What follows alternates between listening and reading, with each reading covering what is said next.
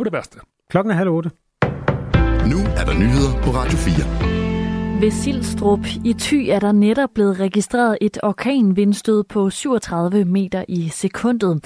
Det er stormen Rolfs hidtil højeste vindstød, skriver TV2 Været. 37 meter i sekundet, det svarer til 133 km i timen. Og skal du ud i morgentrafikken, så skal du passe på. Flere politikredse advarer om væltede træer på vejene på grund af vinden. Det gælder blandt andet i Syd- og Sønderjylland, hvor mindst 25 træer er væltet, skriver DR. På flere togstrækninger er trafikken også indstillet. Ledelsen på Adrup skole ved Odense kender blandt andet til tre episoder om trusler med kniv og et tilfælde, hvor et barn har fået såkaldt 11-års tæsk. Det fremgår af en afdækning, som er foretaget af børn- og ungeforvaltningen i Odense Kommune. Ledelsen kender derudover til en episode vedrørende seksuel krænkelse og en episode, hvor en elev er blevet sparket og slået sidste år. Forældrene er i alle tilfælde blevet orienteret, og der er flere gange sket underretning til de sociale myndigheder og indgivet politianmeldelse, lyder det. Samarbejde mellem skole, socialforvaltning og politiet SSP oplyser til kommunen, at der i periode 26. januar til 8. februar i år er blevet indsendt 10 AVA-bekymringer. De dækker over bekymringer for kriminalitet fordelt på fire børn. Der er aktiv sagsbehandling på alle fire elever, som er blevet meldt til politiet. Det fremgår ikke, hvad de er anmeldt for. Enhedslisten vil stoppe eksport af ammunition til alle andre lande end Ukraine.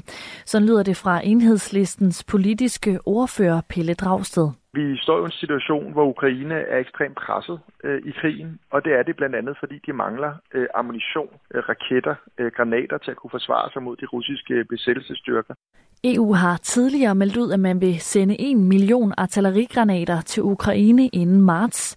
Men ukrainerne har kun fået halvdelen, siger Pelle Dragsted, der mener, at Europa svigter sine løfter til Ukraine. Vi har ikke leveret den ammunition, som vi havde lovet. Og det er en af årsagerne til, at Ukraine er så hårdt presset, som de er nu. Pelle Dragsted vil nu stille kravet over for udenrigsminister Lars Løkke Rasmussen og spørge, om han er klar til at støtte en europæisk aftale om et øjeblikkeligt eksportforbud for europæiske våbenproducenter.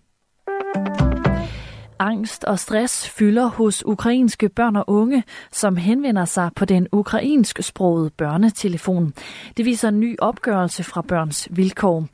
I sidste års opgørelse var det praktiske spørgsmål og trivsel i skolen, der fyldte blandt henvendelserne. Den ukrainsksprogede børnetelefon har i alt haft 870 henvendelser, siden den blev oprettet i april 2022. Over en femtedel af henvendelserne skyldes angst. Derudover har 19 procent af henvendelserne drejet sig om stress eller præstationsangst. Den amerikanske popstjerne Justin Timberlake kommer til Danmark til august i forbindelse med sin verdensturné. Det skriver koncertselskabet Live Nation i en pressemeddelelse. Han kommer til at optræde i Royal Arena i København den 29. august i år, og det officielle billetstal det starter 1. marts.